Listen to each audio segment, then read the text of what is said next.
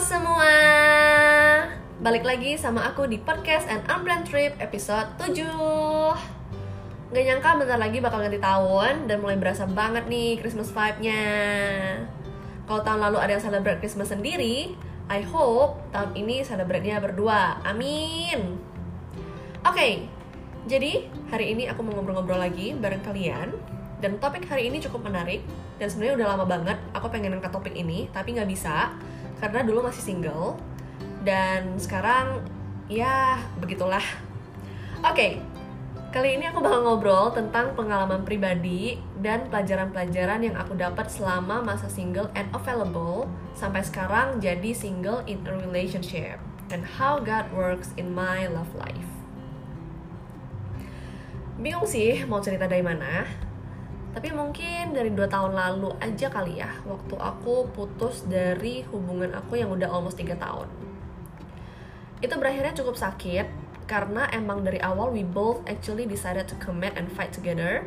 But along the way we realized that we have different vision and ya yeah, tiga tahun abis gitu aja. Dan ya emang hubungan tiga tahun itu cukup toxic jadi emang bener-bener udah nggak bisa dilanjutin dan after putus stres udah pasti. Ya benefit dari putus waktu itu kayak cuma satu deh yaitu berat badan turun 4 kilo. Ya aku ingat banget and that's it. Well to be honest I was very far from God waktu aku jalanin hubungan 3 tahun itu. And maybe karena itu juga makanya ngejalaninnya tuh bener-bener capek. Karena selama 3 tahun ngandelin kekuatan sendiri. Like we only thank God when we're happy but when in struggle we're very far from God dan karena nggak ada fondasi yang kuat bikin hubungan ini jadi gampang goyah ibarat kapal ngambang waktu lagi ada badai. But that's how it works. I started to rely on God since then start to know who He really is and start to experience God. Dari sana mulai belajar untuk komitmen melayani belajar untuk jadi impact belajar untuk uh, yang terpenting belajar untuk humbling myself untuk Tuhan pakai Tuhan reveal dan perbesar kapasitas jadi intinya selama 2 tahun itu banyak lah ups and downs yang aku jalanin. Karena jalan bareng Tuhan itu benar-benar satu hal yang nggak gampang. Banyak dibentuk juga selama 2 tahun ini.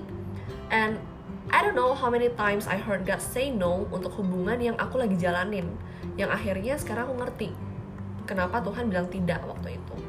Bahwa pertama Tuhan bilang tidak untuk semua yang aku mau cause he wanna protect me from heartbroken Look how sweet our God is.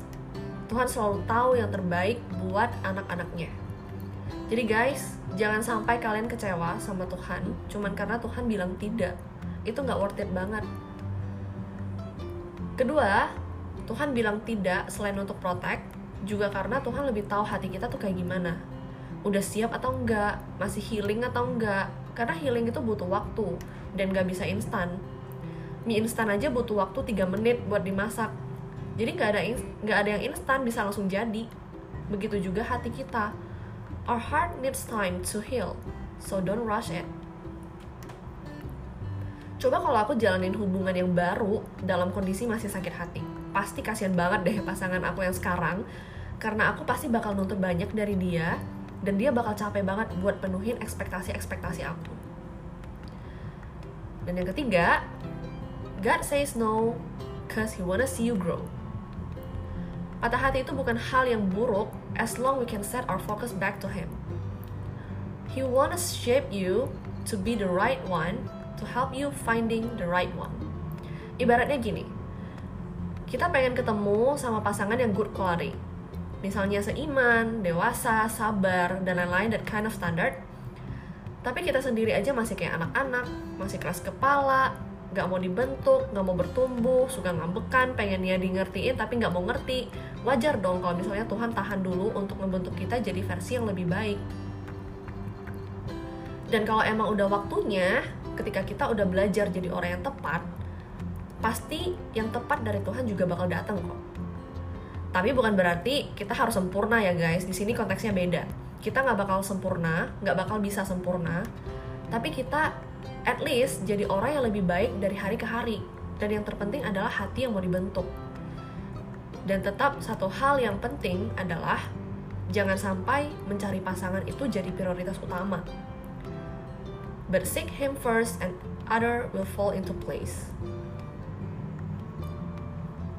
Dan keempat, yang terakhir, when you meet the right one, you'll know.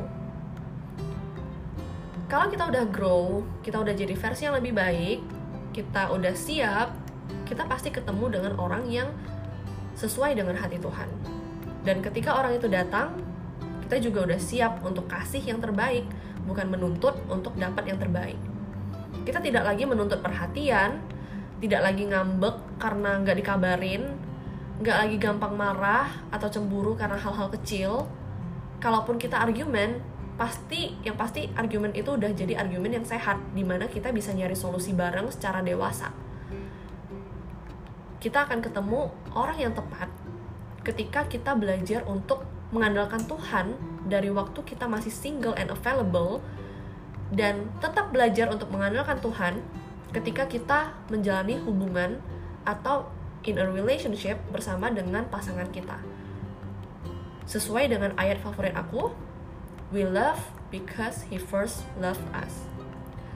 So, itu aja guys uh, yang aku mau bahas kali ini. Yang aku mau share hari ini. Semoga bermanfaat buat kalian And stay tuned on my next episode. Aku bakal share lagi maybe tentang finding the right one. So stay healthy and God bless you all.